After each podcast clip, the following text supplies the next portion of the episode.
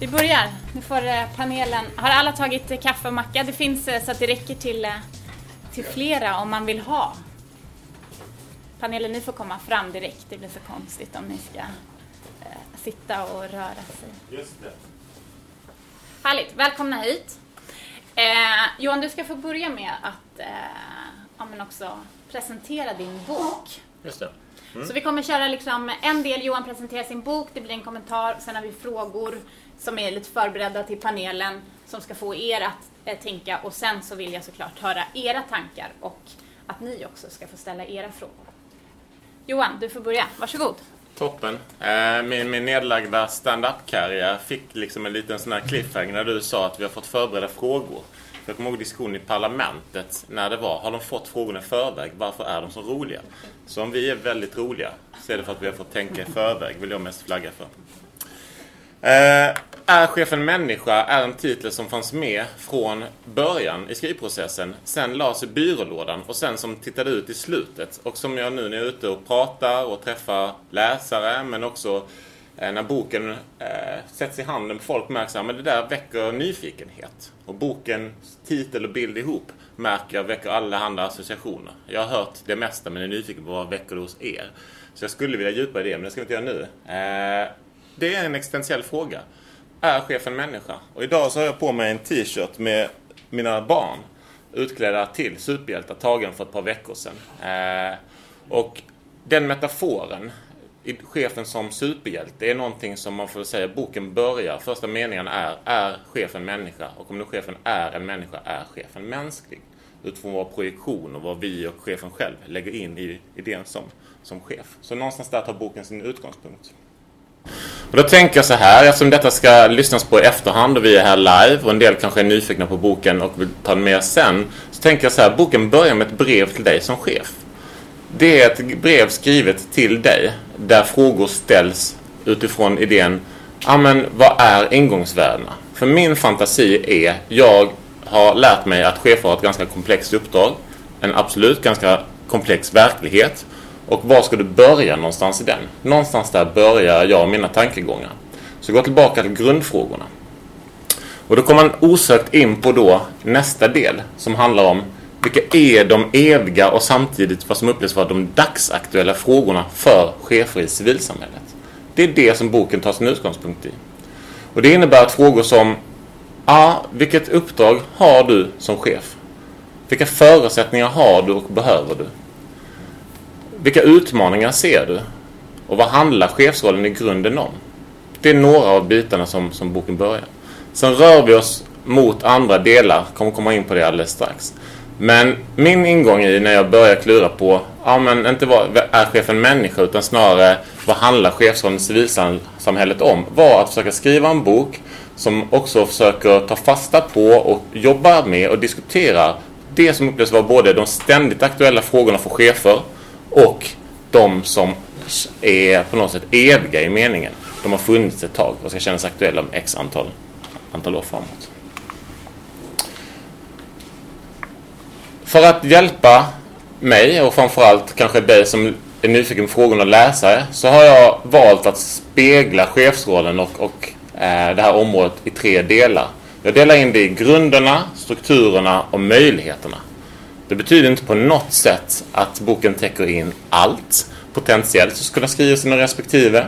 Men det säger någonting om vad som är, åtminstone för chefen, grunddelar som en chef i civilsamhället behöver kunskap om. Apropå uppdrag, förutsättningar, utmaningar och inte minst då kontexten. Vad innebär att vara chef i just civilsamhället? Vad innebär särart i civilsamhället och, och kopplat till chefsrollen exempelvis? Och den här röda tråden får man väl säga finns med boken igenom. Och då tänker jag så här, för er som tänker, men vad är ett av bokens kanske viktigare bidrag idémässigt och modellmässigt? Så för er som lyssnar och ser detta blir det enkelt i efterhand. För oss som är här i rummet så kan man säga att jag gör en slags 360-resa runt chefen. Det vill säga jag försöker synliggöra de delar i chefsrollen som du som chef sannolikt har koll på. Men också de delar av chefsrollen som du behöver ha koll på. Så kontexten, uppdrag, förutsättningar, utmaningar. Det är grunden. Medan strukturerna placerar in hur ser chefens organisation ut? Vad innebär att vara mellanchef i en organisation? Vad handlar det organisatoriska landskapet och alla dess delar om för chefen? Vad består det av? Den här styrningen vi alla pratar om och ibland känner att den kommer både uppifrån och nedifrån och från sidan och uttalat och informellt. Hur orienterar du dig i det landskapet? Och hur är det att vara chef i en organisation som du inte själv har valt utan du kanske kliver in i en roll där någon har varit chef tidigare? Det kommer jag in på ganska mycket i chefens organisationer. Nyckelaktörer. Eller kan vi fråga oss, vilka är de då? Jag väljer ut fyra roller eller delar. Det är, de, det är de valda, alltså förtroendevalda. Det är de betalda, de anställda. Det är de ideellt engagerade och, och jag har valt att plocka den fjärde som medlemmarna. Här kan man plocka ännu fler. Jag har valt att begränsa det till fyra. För att de är aktörer i organisationen eller i dess omedelbara närhet som påverkar chefens förutsättningar och uppdrag väldigt, väldigt mycket och på olika sätt. Och sen tror jag det är otroligt viktigt att en chef i civilsamhället vet hur omvärlden ser ut. Att man inte bara tänker att allt som är viktigt finns i min befintliga organisation. Chefen behöver ha koll på, apropå marknadisering, eh, apropå omvärldstryck, civilsamhällesforskning. Särart är ett begrepp vi slänger oss med i ideell sektor eller i civilsamhället. Eh, ja, vad innebär det då konkret för chefen? Du behöver förstå den och jag tar upp ett antal vad jag kallar tryck då, som chefen upplever. Självklart inte allt, men ett antal aspekter där. Sen är det ju så att chefen behöver ju göra sitt jobb, fullfölja sitt uppdrag och ha strategier för det. Det jag kan notera är att chefer både har rationella och irrationella strategier. Och jag försöker inte heller räkna upp alla utan identifiera ett antal. Bland det mest som kanske lockar både skratt och förskräckning, förskräckelse, höll på att säga, det är det jag valt att benämna som civil chefsolydnad. Så ni är nyfikna på vad är det då? Är jag olydig som chef? Får man vara det? Kan man vara det? Och sen i slutet kommer in på framtiden och, och försök till manifest är inte någon slags dogmatisk idé utan ett sätt att försöka sammanfatta ett antal bärande principer och framförallt att peppa dig till att själv utveckla din organisations bärande synsätt kring chefer. Jag har haft förmånen att intervjua 40-talet chefer. Det är något fler, men, men 40-talet. Och från 30 olika ideella eller idéburna organisationer. Och de rollerna de har är generalsekreterare, kanslichef, verksamhetschef, HR-chef, stabschef, Högste chef, mellanchef, eh, chef nationellt, chef regionalt, chef med globalt ansvar. Och i organisationer som har allt från en handfull anställda till väldigt många hundra och kanske till och med tusental. För det är så civilsamhället idag ser ut när du har anställda. Du kan ha, har du en anställd har du de facto arbetsgivaransvar. Är du chef med tre anställda och chef där så är det fortfarande aspekter av chefsrollen du behöver ta hänsyn till. På samma sätt som du har 500 eller 600 anställda. Sen står det, det betyder att 40 intervjupersoner, det är den röda tråden. Det är de som pratar i boken. Bokens röda tråd rakt igenom. Och sen har jag också valt att kika på viss forskning, vissa fackböcker och en del interna dokument i organisationer. Återigen, inte allt, men ett antal delar som, som kan hjälpa en att förstå chefens, chefens roll då. Sen står det, det här är inte tennissiffror eller något annat 70-30, utan det leker med den här tanken, hur stor andel av chefsrollen är lik mellan offentlig, privat och ideell sektor? Jag kan inte sätta en exakt siffra, men när jag leker med idén av 70-30 så leker jag med fantasin, tankefiguren att kanske är majoriteten av chefsrollen mer lik 70 som tankefigur mellan offentlig, privat och ideell. Vi kan importera eller själva exportera tankar, modeller, synsätt. Men inte allt. Det vill säga en minoritet, tankefiguren 30%, är sådant som vi i varje organisation, vi hade Bolförbundet här, gymnastikförbund, vi har från RF SISU. Vi kan låna av varandra, men inte allt. Och de där delarna som är det unika för varje organisation, för varje kontext, är det som jag själv är särskilt intresserad av. Och där varje organisation har jättemycket att vinna på att förstå. Ja, men vad gör chefsrollen unik hos oss? Vad, gör, vad har vår organisation för förutsättning för att lyckas helt enkelt? Summa summarum, det är en idébok. Primär målgrupp är du som är chef i civilsamhället idag. Men det är också du som kanske vill bli chef. Du är medarbetare, jobbar i en annan sektor än i civilsamhället men vill kanske växla till civilsamhälle från näringsliv och offentlig sektor. Och sen är det du som vill förstå chefer och chefsrollen i civilsamhället. Det kan vara en styrelse med arbetsgivaransvar. Det kan vara fackligt aktiva personer som har chefer och arbetsgivare som motpart. Studenter, forskare och liknande. Och sen ska också sägas, jag, min röda tråd, det får jag nog säga boken igenom, jag kan outa den här början. Det är att jag har ju en fäbless för att försöka förstå det som inte är uttalat. Det vill säga det informella, det outtalade, det är ibland dolda i organisationer. Och det är väl en av aspekterna jag märker att i civilsamhället har vi också grejer kopplat till chefsrollen som förväntningar och apropå superhjälteideal och annat som vi laddar rollen som chef med. Och då försöker jag på något sätt synliggöra vilka är exempel på det då. Och jag tänker så här, jag bläddrar förbi två delar, men bara nämna kort. När vi pratar så måste man börja i grunden. Vem är egentligen chef? När förra året kom en rapport som heter Anställd i det svenska civilsamhället av ett antal forskare som tre arbetsgivarorganisationer stod bakom. Och där, om jag minns siffrorna rätt, så sa sju av tio personer att jag har en anställd som min chef. Två av tio sa förtroendevalda är min chef eller mina chefer. Och resterande del sa antingen det är något annat eller jag vet inte. Och det är också intressant. Alltså i vår sektor kan det ibland upplevas oklart. Vem är egentligen chefen? Vem har en chefsroll? Kan en förtroendevald vara chef? Eller är den egentligen kanske i mina ögon en arbetsgivare? Men uppfattas vara chef för att de facto finns i någon hierarkisk idé över en själv.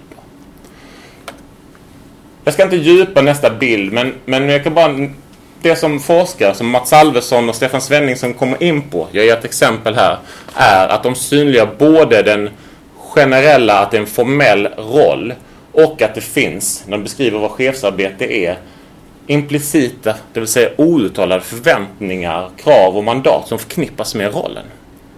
Och det där har jag ju försökt fundera över. Hur ser det ut i civilsamhället? Vad har vi för implicita, outtalade förväntningar, idéer kring utmaningar, förutsättningar, uppdrag, organisation? Som chefen först lär sig genom att trampa på ömma tår eller genom att vara inne i rollen och som inte står i chefens delegationsordning. Ett av bokens kanske mer spännande eller viktiga resultat och som jag själv blev jag, jag får nog ändå säga lite överraskad att det var så utbrett. Det var när jag ställde frågan till chefer, vad är chefens uppdrag? Och framförallt ställde frågan, vilket är ditt viktigaste uppdrag? Till mina cirka 40 intervjupersoner. Då fick jag en massa svar. Jag valde att klustra de svaren i nio typroller. Typroller som visar sig vara mer exempel på vad jag skulle kalla då informellt outtalade icke nedskrivna bitar än att det står i chefens formellt gällande delegationsordning. Där det ofta står arbetsmiljöuppgifter, ekonomiansvar, personal och verksamhetsansvar eh, om man hårdar det. Och det är generella bitar de här formalen i offentlig, privat och ideell. Självklart med lite olika formell styrning, men ändå. Det jag fick till svar, jag säger det igen, valde jag klustra i nio typroller. Och jag ger fler exempel på dem. Och exempel på typroller är att chefen förväntas vara en, en ledare, till och med en god ledare. Men när jag frågade min intervjuperson och, och bad en del om exempel på styrdokumenten. Hur står det i din, i din delegationsordning att du ska vara en god ledare till exempel? Då sa de flesta, nej det bara antas att det är så. Och så märkte jag att väldigt många, står det till exempel en annan typ av var eh, organisatör. Vi bara antar att chefer är goda organisatörer eller att man kan organisation till exempel och kan organisera arbetet. Självklart står det i en del delegationsordningar men i allt för få tyckte en del chefer.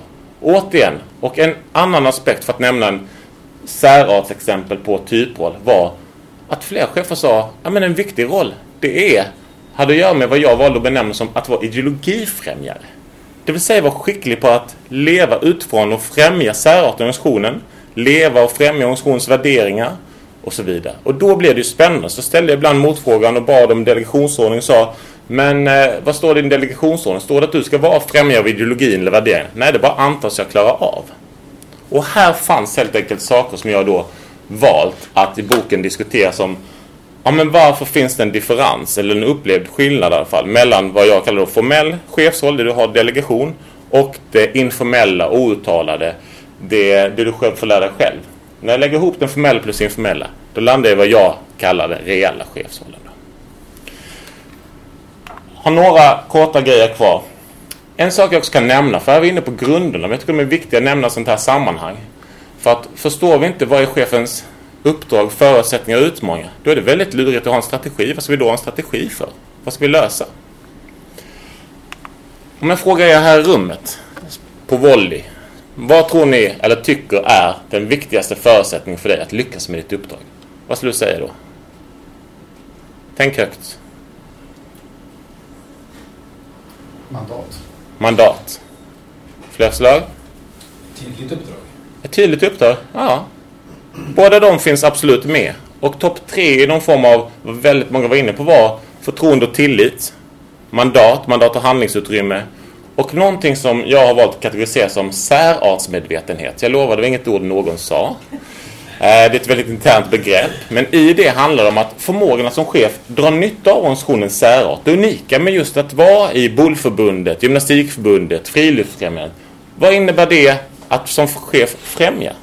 Det vill säga, hur gör jag det i praktiken? Och att ha den fingertoppskänslan och förståelsen får man väl ändå säga var grunden.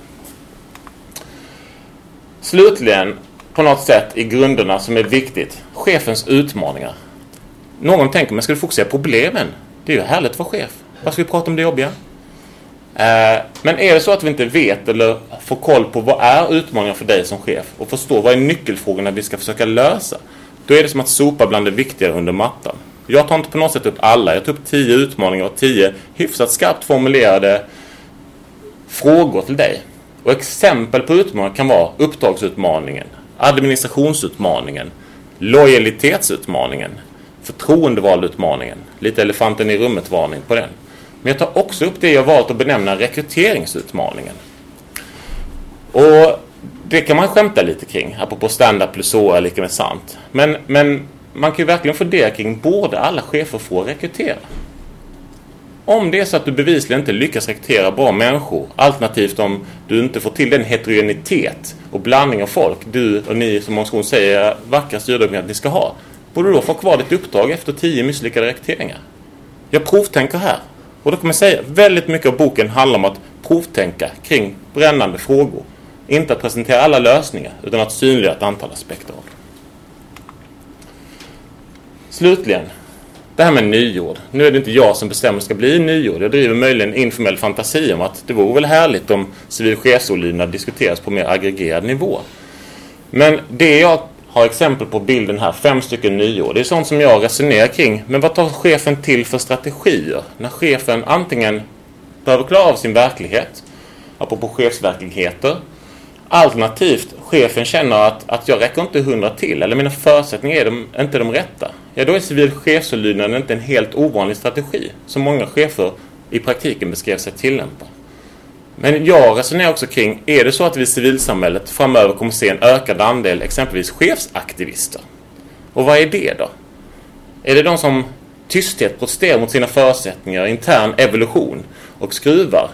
Eller är det någonting annat? Vad händer när chefen blir aktivist? När chefen inte orkar mer? I meningen när chefen kanske blir motarbetad, men i gott syfte. Den vill främja något gott men tycks inte ha rätt förutsättningar. Och sist men inte minst, apropå provtänkande, så tror jag att, ja men vad tror ni om idén om att chefen ibland fick ha provgöra när den kommer in i sin roll? Inte alltid är i skarpt läge. Jag provtänker kring det här. Vore chefsprao exempelvis en variant? För chefen är sällan i något praoande läge utan det är skarpt läge från start. Summa summarum. Är chefen människa? Och vad kan bokens kanske viktiga bidrag till, till diskussionen vara och, och till det som är chef civilsamhället? Men jag tror att ett, en sak är det här 360-perspektivet på chefsrollen. Det vill säga att försöka ta ett helhetsgrepp kring rollen i form av grunderna, strukturen och möjligheterna. En presentera förslag och tankar kring allt med ett antal bidrag. Jag tror att synliggörandet av det här informella, outtalade eh, som förväntas av chefen och som är en röd tråd boken igenom är viktigt. Eftersom om vi utgår från att det är bara formellt gällande det enda, då har vi tappat en hel del. Och sist men inte minst att ge ett antal förslag, provtänka, som jag också gör i boken, och ha det som röd tråd. Det tror jag är otroligt viktigt i chefsrollen och att ni som är nyfikna på området vågar prova lite mer. Tack! Tack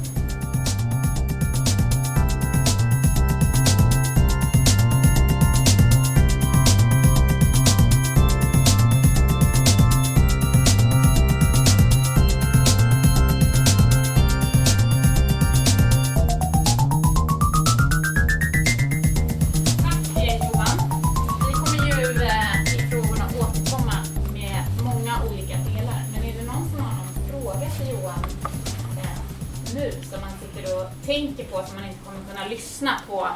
Eh, Susanne, vill du börja? Jag eh, eh hade arbetat i 15 år som labbchef på två olika läkemedelsföretag när jag läste annons för eh, förbundschef på Orienteringsförbundet. Och då tänkte jag, jag är ju orienterare och jag jobbar ju som chef med budgetansvar och personalansvar. Det kanske kan vara något kul att testa. Så jag slängde in en ansökan och fick jobbet. Och det var eh, betydligt större skillnad eh, på den chefsrollen jag kom från och den chefsrollen jag hamnade i än vad jag hade kunnat föreställa mig. Eh, och det är mycket av det som Johan beskriver i boken också. Så att den sätter verkligen eh, eh vad heter det, eh, fingret på, på kärnfrågan här. Eh, både skillnaden eh, här nu med eh, särart hos de anställda. Många jobbar med sitt intresse. På, I läkemedelsindustrin jobbar vi mycket med att få medarbetarna engagerade för att det är bra för resultatet. Sista raden, engagerade, motiverade medarbetare. Skillnad på engagemang, motivation. Eh, och komma till en ideell rörelse där de flesta jobbar med sitt intresse, då var det snarare som alla är nästan för engagerade. Eh, så det blir nästan, nej men stopp nu, det där kanske inte är ditt område nu, låt dem göra det och, och så. Eh, så den skillnaden ehm, är ju jättetydlig. Eh, och sen de här nyckelaktörerna är ju också någonting som inte finns i näringslivet på det sättet. Där är organisationen så tydlig, vem som är chef, vilket mandat alla har, organisationen och det är arbetsbeskrivningar, vad alla ska göra. Det är lätt att införa någonting. Nu gör vi så här, alla gör så. Eh, och i den här ideella världen med eh, alla ideellt engagerade, alla medlemmar som jobbar bara för att de har lust. Eh, det går inte att säga att nu ska vi göra så här. Det funkar ju inte. Och Även om vi inte nu håller på med någon verksamhet som är på liv och död som det kanske kan vara läkemedelstillverkning eh, så är ju människor är så engagerade så att en till synes oviktig fråga kan vara så viktig för den personen så att det kan vara som på liv och död. Och det att förstå det eh, i den här rollen nu då som ideell ledare att olika människor har olika bild och att kunna sätta sig in i hur tänkte de nu när, när han eller hon blev så arg när man sa fel eller, eller så. Hur tänkte de nu och, och kunna sätta sig in och förstå det. Um, ja, det var väl lite så allmänt om uh, så att jag, tankar när du läste boken? Ja, precis. Så jag tänker om eh, eh, det är en bra bok när man kommer som ny från en annan, framförallt från en annan bransch. Alltså jag hade haft nytta av att läsa igenom en sån här bok när jag kom ny. Um. Johan Wenmark? Ja. Jättekul att vara här eh, av många anledningar. Inte minst eh, för att eh, prata om eh, hjärtefrågor för mig som forskare. Eh, organisering och ledning det är som sagt sånt jag eh, 24-7 håller på med. Eh, jag är otroligt impad av alla som har, är chefer eh, och ledare eller har ledaruppdrag i ideell sektor. Eh, jag har själv provat på det faktiskt. Ehm, efter att jag disputerade 2008 så eh, sökte jag och fick jobb som generalsekreterare på Svenska Klätterförbundet. Eh, och det var jättekul. Apropå, jag kombinerar eh, precis som du säger eh, Susanne, eh, mitt stora intresse i klättring. Så hade jag forskat i flera år om just organisering och ledning och tänkte att det här måste ju vara en perfekt kombination. Jag får liksom göra i praktiken det jag forskar om och jag får göra det kring mitt, mitt favoritintresse. Eh, så sökte jag och sen så lyckades jag lura styrelsen där att jag också skulle få den här tjänsten. Eh, och så ganska snabbt förstod jag att ja, det här är jättekul men det är ju otroligt svårt. Det är oändligt mycket lättare att forska om det här. Så att jag nästan, jag ska inte säga att jag ångrade mig eh, men, men jag insåg att jag eh, faktiskt kanske inte var rätt person på rätt plats. Eh, och så ganska, och ett exempel på det var att redan första veckan så fick eh, jag eh, en, eh, ett uppdrag kan man säga från ordföranden. Han sa så här att ja Johan vi tappar ju medlemmar, du måste göra någonting åt det. Och då nota bene min avhandling handlar om betydelsen av medlemskap. Men som liksom krånglig forskare då så ställde jag en motfråga direkt och tänkte, eller sa, eh, men varför måste vi bli fler medlemmar? Och det var ju helt fel fråga att ställa i den positionen. Den var rätt som forskare för den hade jag ställt i mina intervjuer i aning. Men den var ju helt fel att ställa där. Så han tittade bara på mig och sa att nu får du göra det där. Eh, och då hade jag förstått tidigare att det är ju jättesvårt att rekrytera medlemmar och ha kvar dem. Ja, det där är en egen historia. Men eh, jag blev kvar nio månader. Eh, sen så sökte jag ett nytt jobb här på RF eh, som forskning och utvecklingsansvarig. Det passade mycket bättre för det låg ju nära forskningen och så. Det ledde mig in till en annan anledning till att det är väldigt kul att vara här. Eh, och det är att eh, så jag verkligen eh, Johan, tack så mycket för att du har skrivit den här boken och andra böcker och att andra skriver den här typen av böcker. För det, det den här boken och andra liknande böcker gör fyll, är att de fyller ett tomrum. Jag och mina kollegor vi håller på och skriver texter. Eh, de är ofta obegripliga för de som behöver dem, det vill säga ni. Eh, de är begripliga för oss som också behöver dem men liksom, det är en begränsad läsekrets som kan liksom förstå dem där på ett snabbt sätt i varje fall. Eh, och så finns det inte för mycket texter som är liksom tar, tar spjärn mot forskning eller använder forskning men som riktar sig mot praktiken. Det tomrummet där behöver fyllas och det tycker jag att din bok gör och andra böcker som ja, Idealistas och andra förlag eh, ger ut. Det, det, behövs mer av sånt. Eh, jag får ofta en förfrågan, ja men jätteintressant vetenskaplig artikel du har skrivit men varför så krångligt och på engelska? Och jag förstår det. Jag begriper verkligen det. Och det där jobbade jag med här på, på RF eh, med FoU de rapporter vi tog fram så verkligen försökte jag få de här forskarna att ja, men du ska inte ducka för det teoretiska, du ska inte tappa liksom det analytiska djupet, men du måste skriva på ett annat sätt. Och den, den där kombinationen, den är liksom hela nyckeln där. Och där finns det en stor nisch att fylla. För att eh, sådana som ni som verkligen gör det här till vardags ska liksom kunna utveckla och få nya influenser och så. Så det är jättekul att vara här av den anledningen att prata om, om, om denna bok. Eh, sen är det ju också viktigt att vi bara överhuvudtaget eh, pratar om det här med att vara chef och ledare i civilsamhället. Eh, jag tror du sa det Johan, att, eh, eller i varje fall hintade åt det hållet. Eh, alltså ni, ni, och många andra, ni, ni, gör ju det här hela tiden, hela dagarna, men ni får ju sällan tiden att liksom kliva ur det där och reflektera lite över det. Jag vet ju, man bara rusar fram. Eh, och, och, då är ju ja, en sånt här tillfälle men också att man får en sån här bok i handen är ju tillfälle till kontemplation och liksom eh, försöka titta på sig själv och titta på sin roll och försöka förstå sammanhanget. Så det, är, det är jätteviktigt bara det. Eh, och sen eh, har jag stor behållning av att läsa boken. Eh, av flera anledningar. Det kommer vi komma in på alldeles strax. Men jag ska bara snabbt nämna dem. Och, och det är att eh, Alltså du tydliggör ju med, med all klarhet Johan att det, det är ett jättesvårt uppdrag det här. Och, och, du var inne på det Susanne. Det är, eh, det är liksom jättesvårt att vara chef och ledare i, i eh, andra organisationer. Eh, offentlig sektor eller, eller privat näringsliv. Men det är mycket svårare i den här delen av samhället. För att era organisationer, eh, det vill säga ideella organisationer, har ju det mesta. Du sa 70-30, den siffran kan man liksom diskutera. Men men mycket av det som finns i ideella organisationer finns ju också i andra organisationer. Det finns många likheter. Men jag vill hävda att det finns väldigt mycket mer i era organisationer som gör uppdraget att som chef och ledare eh, att, att det blir mycket, mycket svårare. Mycket, mycket svårare. En del i det, och det är du inne på mycket i boken Johan, det är komplexiteten. Det är en mycket, mycket större komplexitet i ideella organisationer. Som är, och just det blir verkligen centrerat kring chefsuppdraget eller ledarrollen.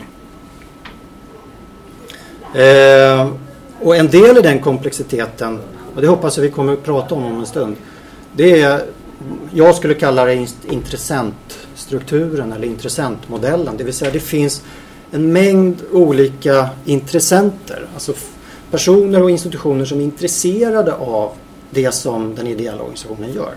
Och den intressentmodellen är ofta mycket, mycket mer komplex än i ett företag.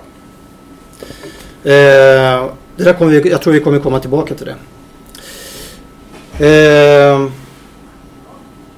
jag vet inte, jag kan ju fortsätta men jag kanske ska runda av så vi får... Ja, men jag tycker att du kan runda av. Ja men då gör jag det. Då ska jag göra det med att säga så här att Eh, sist men inte minst är det också jättekul att, att prata om det här ämnet. För det har vi börjat göra hemma. Jag har en fyraåring hemma.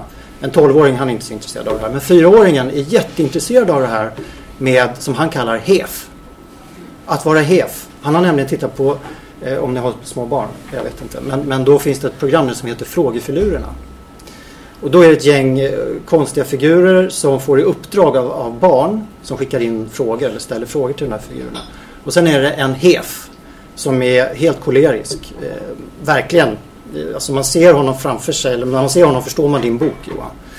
Det är verkligen, de, de som sitter ihop verkligen. Och han försöker styra de här figurerna att ut i världen och så ska de svara på de här frågorna. Så vi pratar, pratar mycket om hefer hemma. Så i morse när jag sa till Maurits som han heter att jag skulle hit och prata om, om hefer så blev han alldeles Åh, jag vill följa med! Eh, Men det kanske jag får göra vid ett annat tillfälle. Eh, ja, jag slutar där. Vad härligt! Ja. Heferna och eh, superhjältarna. Eller hur? eh, Som, nu får superhjältarna och heferna komma upp så eh, kör vi eh, samtal här. Eh, och som Johan var inne på så är boken uppdelad i tre delar och eh, vi har också frågorna, eller vårt samtal, inne i tre delar. Och vi kommer börja med ja, men den första eh, som handlar om grunderna och då är det, en av grunderna är uppdraget.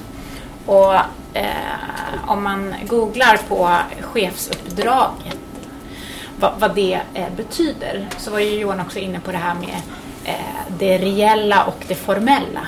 Och att du var mer intresserad av egentligen det, det reella. Eh, vad är det man faktiskt gör i verkligheten?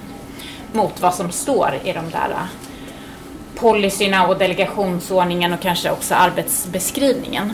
Och det har jag bett er att ja, men fundera lite mer på, hur ni ser på det här. Och ja, men Susanne kanske kan ta någon metafor till hur du ser på ditt uppdrag eh, kopplat till det formella och det reella och, och höra era tankar där. Så du får börja Susanne. Eh, jag eh, tog fram den eh, arbetsordning vi har och där det står vad jag som förbundschef ska göra. Och så jämförde jag den med vad jag hittade i boken som jag kanske också borde göra. Och det var några saker där som jag kände att jag kanske behövde lägga till. Så jag tror att om man kommer nära den formella beskrivningen och vad som faktiskt krävs av en i, i, i det praktiska jobbet. Om det stämmer väl överens så tror jag att man har en bra förutsättning för att lyckas. Eh, För då blir det inte så mycket som står mellan raderna eller som bara förväntas. Så den tror jag att man eh, kan jobba med när man skriver de arbetsordningarna. Eh, ja, eh, så, du ställer väldigt bra frågor ska jag också säga, Anna. Eh, som inte alltid är liksom jättelätt att svara på tycker jag.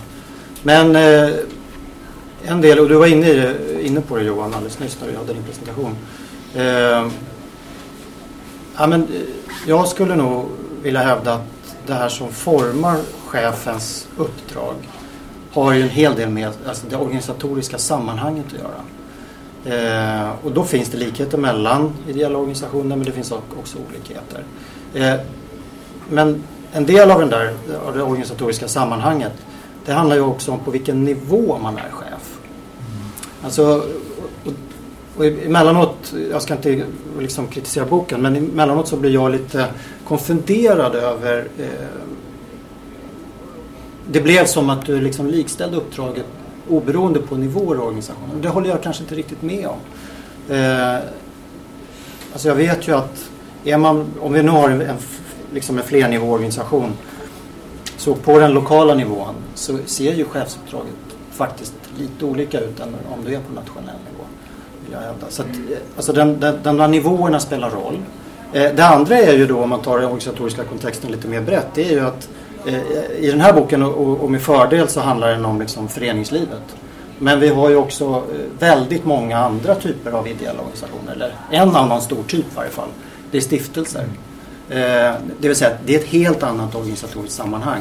Där chefsuppdraget eh, kan vara liknande men kan också vara väldigt annorlunda.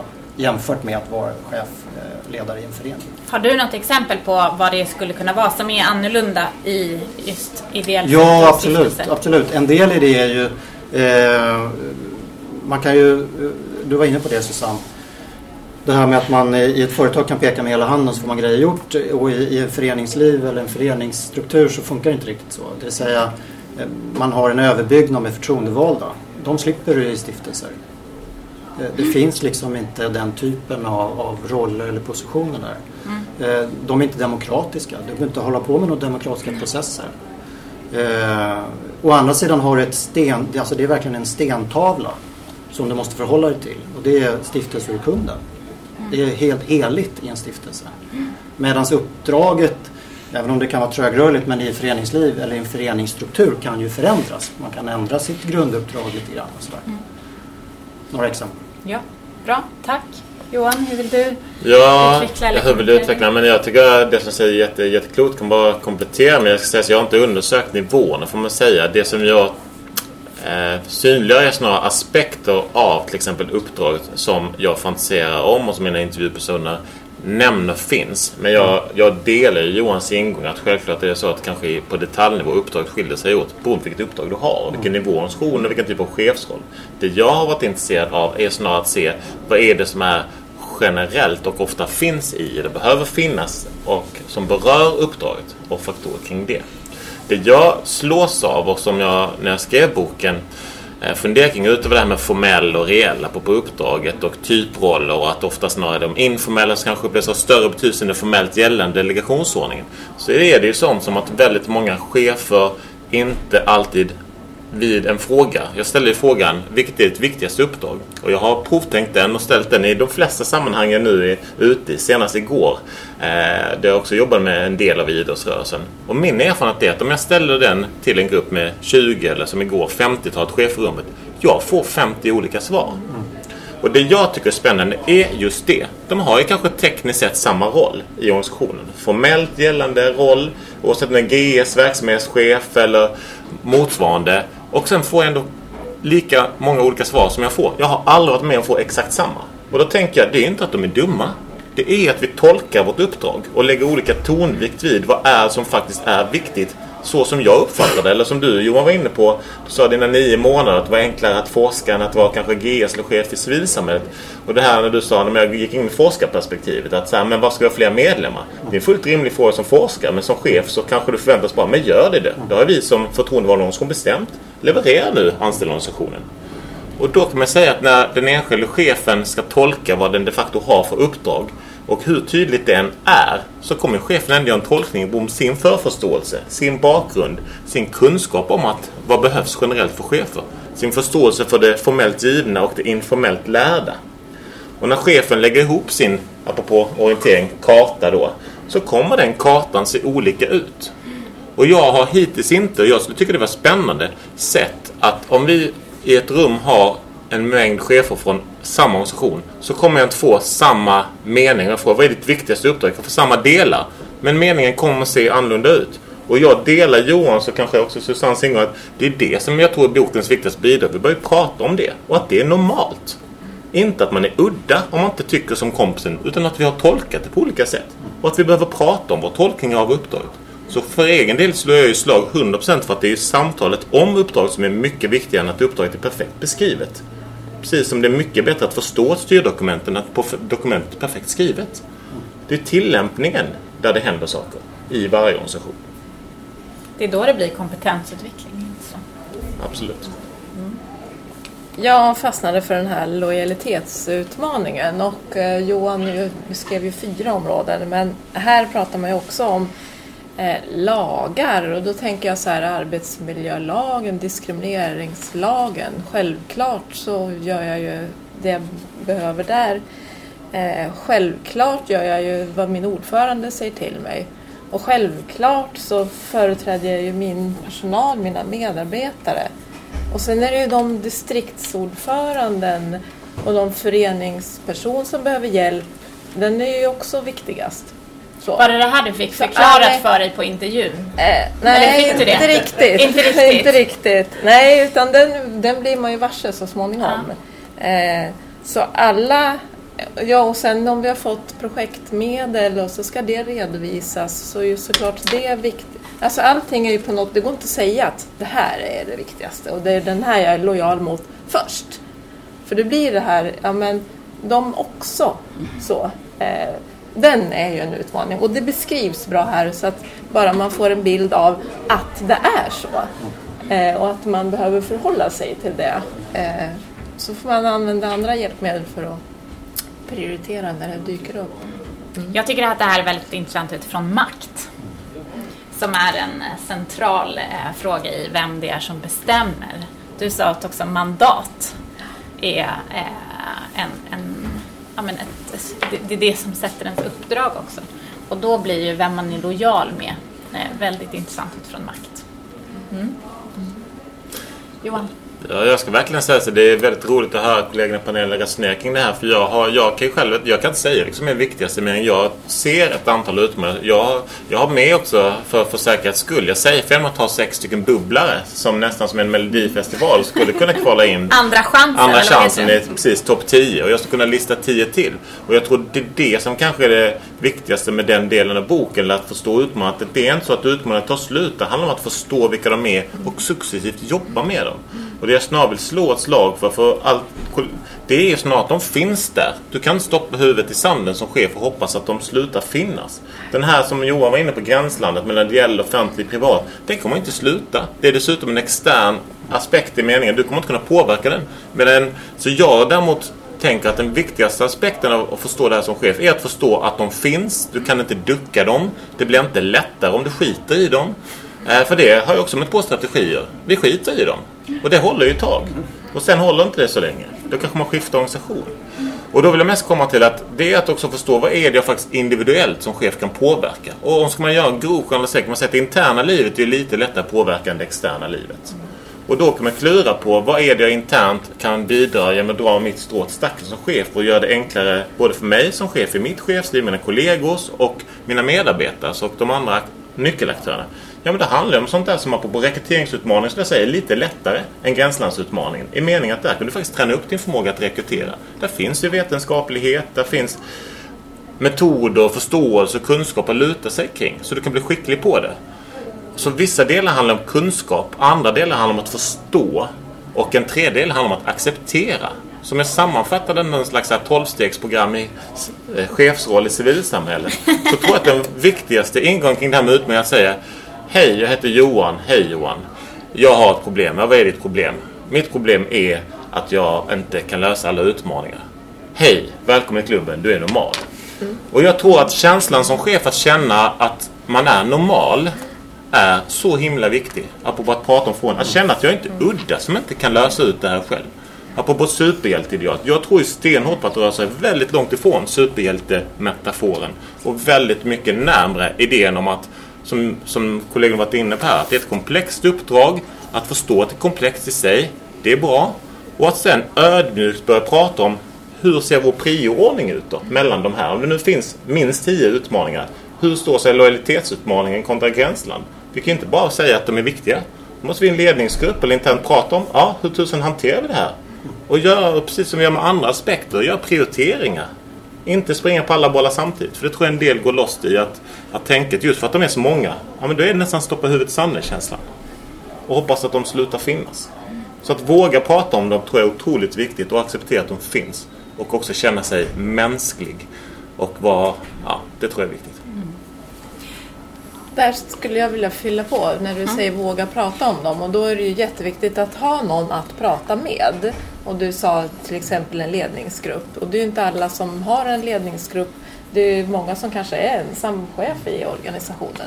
Men se till att ha någon att prata med om eh, chefsutmaningarna skulle jag ge ett tips. Mm. Fredrik? Får man komma in nu? Absolut. Nej, Fredrik är också min chef så jag säger ja. Nej, jag reagerar lite grann på, på det här med lojalitetsutmaningen och jag tror att någon kanske av, av er som är i rummet har hört mig säga det tidigare men jag har ju lång bakgrund inom Amnesty och då skulle jag säga att lojaliteten måste ju alltid vara med uppdraget. Och vad är då Amnestys uppdrag? Ja, det är ju att liksom de mänskliga rättigheter som finns i den här namnförklaringen ska komma alla till del. Det är ett ganska stort uppdrag som man kan ana att organisationen kommer att börja fortsätta jobba med ett tag. Eh, och då blir ju nästa fråga, ja men vem är liksom är uppdragsgivare då? då? Och den där frågan har jag ställt ett antal gånger när jag under en tid för Amnesty till människor som är i organisationen. Då får jag alltid svaret att ja, det är medlemmarna. Mm. Och det är ju naturligtvis ett korrekt svar va? i formell mening. I bemärkelsen det är en demokratisk organisation. Men jag är inte säker på att Peter Bennison när han en gång startade den organisationen i form av ett upprop tänkte att nej, men uppdragsgivaren det ska vara medlemmar runt om i världen. Utan det kanske är de människor som får sina mänskliga rättigheter kränkta som är uppdragsgivarna. Och lite beroende på hur man svarar på den där frågan så kommer man ju också i sitt chefskap att har lite olika lojalitet. Och jag, ställ, jag säger det med anledning av att det är klart att en organisation då som har extremt mycket näringslivssamverkan eller för den delen eh, tar 90 procent av, av sina intäkter i statliga bidrag. Ja, man kan väl ana att det kan finnas en risk i ganska stark lojalitet mot den som ger stålarna istället för att se på det där uppdraget. Va? Och där tror jag man som chef har jätteviktig uppgift. Och det är inte bara som högsta chef utan det är också ner i organisationen. Ja, vad fan är det med uppdraget? Mm. Tack. Någon annan som vill komma in? Ja? Jag kan ställa en fråga. Ehm, nu pratar ni väldigt mycket om det här med, med komplexiteten i eh, idéburen eh, chefskap. då skulle jag vilja, för nu har ni provtryckt nu både praktiker och forskare här, så nu kan ni gå med på den här provtänka och svara faktiskt det bästa. Ehm, men skulle ni säga att bästa vägen är att försöka att, att förstå och agera i komplexiteten? Eller är det att försöka att skapa enkelhet och struktur av den? Vad skulle vara er liksom vägval om ni ska vara chefer i eh, den ideella sektorn? Får ni välja en av dem. Vem vill börja? Jag kan börja. Eh, om jag förstår frågan rätt så skulle du kanske önska eller så. Om man ser att sitt uppdrag, oj vad komplext det är, jag vill reducera det här. Det tror jag inte går. Jag tror att man bara måste hantera, försöka hantera den här komplexiteten. Jag håller med. Förstå och agera skulle jag ju välja på dem då. För jag tror det är svårt, mm. precis som Johan är inne på, att skapa en struktur av ett ideellt engagemang på något vis. För det är ju det man behöver göra då. Mm. Ja, om man får välja så tänker jag att det finns ju alltid risk om man försöker förenkla för mycket att det blir någon slags Bagdad-Bob-känsla. I meningen av att man faktiskt inte kommunicerar det som det ligger för långt från verkligheten. Och då kom, finns det något som provocerar en organisation. Valda, betalda medlemmar. Är det som att den som är uttolkare av någonting ligger för långt ifrån verkligheten. Så jag tror snarare att verkligheten kommer inte kunna styra i den mening vi vill. Så jag tror också på, och då tror jag däremot på, apropå provtänk eller chefsprao eller annat, en ödmjukhet inför att det inte blir perfekt. För det är ett ideal som vi ibland också, inte bara chefer har, utan att tänka att den första gången ska vara den bästa. Det är sällan den bästa. Det är kanske gång 73 som är den bästa. Det är absolut inte den första gången. Så att, och så, jag, jag vill inte slå ett slag för ogenomtänkt handling, men jag vill slå ett slag för att våga prova och skruva längs vägen. Utan att tänka att första är bäst. Oavsett nästan vad det är. Ja. Vi ska prata lite om möjligheterna och spaningar inför framtiden. Och då, vi har varit inne lite på ja, men den här möjligheten till kompetensutveckling som chef. Eh, hur har man tid till allting? Vilken tid är möjligheten? Är tid någonting som man tar sig eller är det någonting som man bara har? Eller hur hinner man med allting? Eh, och de här ja, men chefsaktivist Eh, delarna. Vilka spaningar gör ni när ni tittar på, på framtiden och chefsrollen? Och vi har varit inne på, eh, är man, men, eh, liksom, kan man vara människa om man är chef? Eh, vad, vad har ni för tankar där? Nu får, eh, Johan, du får börja nu den här gången. Om jag ska prata kort. Jag har varit. Men jag ger i boken ett antal exempel. Om jag, om jag skulle plocka ut från några fantasier och, och tolkningar jag gör. Så en del handlar om, varit inne på det, att, att acceptera komplexiteten när du kliver in i rollen. Jag tror det är oerhört viktigt. Att inte förenkla verkligheten, hur komplex verkligheten än är.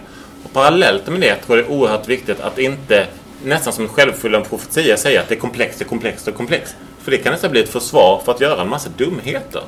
För ingen kan ställa ett till ansvar och då får vi en problematik i att ansvarsutkrävande, som ändå är viktigt i majoriteten av organisationer, också finns kvar. Så jag vill slå ett slag för att framåt inte, för många gånger till oss själva, när vi har förstått att det är komplext, också fundera på vårt egenansvar som chef i den. Och när vi väljer att kliva in i en chefsroll som jag hoppas är mer frivilligt än ofrivilligt också klara av att hålla blicken både på vad är uppdraget som på något sätt är kärnan och att, att ta hänsyn till de omvärldsfaktorer som du inte alltid kan påverka men som påverka dig och din omgivning och organisationerna. Och, och att, att på något sätt få ihop det där. Det, det, det skulle jag nog vilja säga. Så man inte ducka för verkligheten men aktivt välja att kliva in i det. Inte skydda sig bakom mantran och att ta, ta, ta, ta hjälp i det som några har varit inne på. Att inte tänka att ensam är stark tror jag är otroligt viktigt. Mm. Johan Winmark? Eh, alltså den här, det var bra frågor men de var svåra. Frågan som vi fick var hur ser ni på chefens kompetensutveckling i framtiden? Det är en jättefråga. Jag vet, inte riktigt hur man ska svara på den faktiskt. Men, du har delvis svarat ja, på den vet. om jag ska hjälpa dig Men med att du pratade om det, det informella lärandet. Du kanske Absolut. kan utveckla det? Att det Nej, men jag tänker så här om jag ska fylla i från annat jag sagt tidigare. Då. Eh, Så jag upplever, eh, nu har jag inte dagligdags kontakt med ideella sammanhang, men ganska ofta i varje fall. Och min, min uppfattning är att det satsas alldeles för lite på kompetensutveckling. Eh, och, och, ja, tillbaka till det jag sa, det, man ska verkligen se det som ett livslångt lärande. Det räcker inte att gå ett ledarutvecklingsprogram eller någon typ av, utan det där är något man behöver göra kontinuerligt när man har de här positionerna. Framförallt så ska man ha det i organisationen eller kunna erbjuda det. Det är väl första steget. Och sen måste man göra det där kontinuerligt, tänker jag. Eh, det får liksom inte heller vara ett eh, för snävt kontextuellt fokus. Ett för snävt fokus på sammanhanget i sig. Eh, vissa sammanhang, eh, ide- alltså ideella organisationers sammanhang, ingen nämnd, ingen klämd. Men ibland så finns det en uppfattning om att ja, men vi har ju det här fina uppdraget och vi är så här stora så vi behöver ju inte tänka på resten av världen. Vi behöver inte ta hänsyn till, till andra ideella sammanhang. Och, så där. och där, där kan jag tala från egen erfarenhet. Det finns ett enormt, eh, enorma vinster att göra av korslärande. Det vill säga att ha i eh, kompetensutvecklingssammanhang, hur de nu än ser ut, stoppa ihop folk från olika ideella sammanhang. Kanske till och med ha folk med från företag om man kan eller från, från offentlig sektor och försöka mötas över de här olikheterna eh, och likheterna. Det tror jag, där finns det mycket att göra och görs alldeles för lite. Eh, nej, men sen det här med, jag tror att det finns något som ett konkret sätt att jobba med det här det är också att fokusera mer på, ja, om man tar den här komplexiteten men om man ska göra den lite mer begriplig så eh, fokusera på intressentmodellen eller intressentstrukturen. Och det är ett sätt att liksom verkligen förstå sitt sammanhang men också börja jobba med, den här, med det här chefsuppdraget. Eh, något som inte boken tar upp så mycket som jag också vill slå ett slag för det är ju eh, frågan om makt. Eh, det är frågan om hur man förstår ledarskap mer generellt. Vad är ett ledarskap? Eh, nu handlar det mer om chefskap i boken. Eh, det är någonting som jag också skulle vilja slå ett slag för.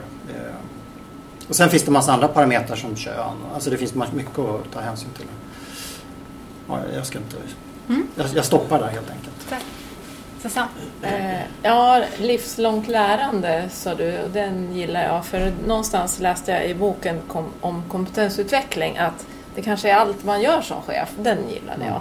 Att välja, att se på, på lärandet så. Eh, livslångt lärande och allt vi gör är ju lärande på något vis. Eh, sen gäller det ju också att få ihop den tiden och där man pratar eh, betalt arbete, ideellt arbete och de kanske går flyter ihop ibland på egen tid och tänka hur förhåller jag mig till tiden och hur skapar jag tid för mig själv då som inte är betalt eller ideellt. Just den här med eh, betalt arbete, egenarbete, ideellt arbete, den tycker jag också beskrivs eh, bra i boken. Ehm, ja, då, och sen kanske, då ska jag också dra något eh, personligt. Jag fick i julklapp av eh, mina barn en skylt, jättefin. På den står det Superwoman. Och då tänkte jag så här, och då, de tyckte jag skulle sätta upp den på jobbet. Och jag tänkte så här, nej men det kan jag ju inte göra. Så, oj oj oj. Men jag ställde den i fönstret och jag tänkte så här, ja men i det här komplexa livet att vara chef och ideell och alltihopa på en gång. Så då tänkte jag, ja, jag tar den. Klart att du är. Yes. Tack för era eh, tankar, både personliga och eh, Så, och vi har ju varit här för att liksom grotta ner oss i chefens eh, vardag. Vad är det som styr? Hur ser vår logik runt oss ut? Vilka förutsättningar är det vi får? Och det var det som också var, var syftet med att eh, vi kom hit.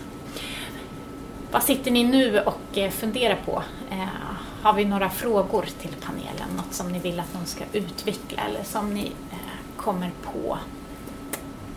Någon tanke som sitter? Jag har en fråga men Mm. jag har pratat så mycket så Mm. jag tar den sist. Yes. Jag tänker så här att inom idrottsrörelsen, jag är ju ideell chef. Ja. Det vill säga jag förväntas göra allt det som står i den här boken fast på min fria tid. Mm. Eh, finns det skillnader då, eh, eller hur, liksom, hur man ska angripa chefskapet eller liksom, reflektioner kring det? Vi har massor med ideella chefer i idrottsrörelsen. Hur- Får jag fråga bara först, hur definierar du en ideell chef? Bara så jag förstår. En, en chef som inte är anställd. Utan en chef som, man, man är chef för anställda fast man inte själv är anställd i organisationen. Som till exempel styrelseordförande. Kan vara chef för sina anställda på kansliet. Ja, men jag frågar så för att jag kan fantisera om att du, i min hjärna tänker jag att utan att gå till begreppen, då tänker jag att överlag som du är inne på är så, men vad är styrelsens roll och relation till när du är förtroendevald, ideell, arbetsgivare. Sen kan vi diskutera begreppet chef. Vi hör i den här rapporten som kom förra året tyckte ju två av tio att det är styrelsen, någon i styrelsen, kanske en ordförande som är chef. Jag tänker är en grundidé att som styrelse, ordförande, presidium, ordförande förstå vad ens roll som arbetsgivare är i relation till de anställda oavsett vad titulaturen är. Och att styrelsen generellt förstår sitt arbetsgivaransvar. Eh, och att om man nu inte har en anställd tjänsteperson med benämningen eller yrkestiteln chef, eh, att man klurar på hur kan styrelsen som är ideell, oavlönad, gör det på sin fritid, fördela det arbetet. För ibland finns en styrelse som fantiserar att det är ordföranden eller det är vice ordföranden per funktion. Och att varje styrelse med begränsade resurser behöver klura lite på snarare vem har bäst förutsättningar, bäst kompetens, hur kan den dela på det? Jag har inget enkelt svar på det i en organisation med liten verksamhet. Men jag tror det är däremot viktigt att till exempel anställningsorganisationen, givet att det finns anställda och att styrelsen förstår skillnaden mellan ansvar som styrelse och arbetsgivare och anställd organisation. Även om det då inte tekniskt sett finns en chef i anställd mening utan det kanske är styrelsen.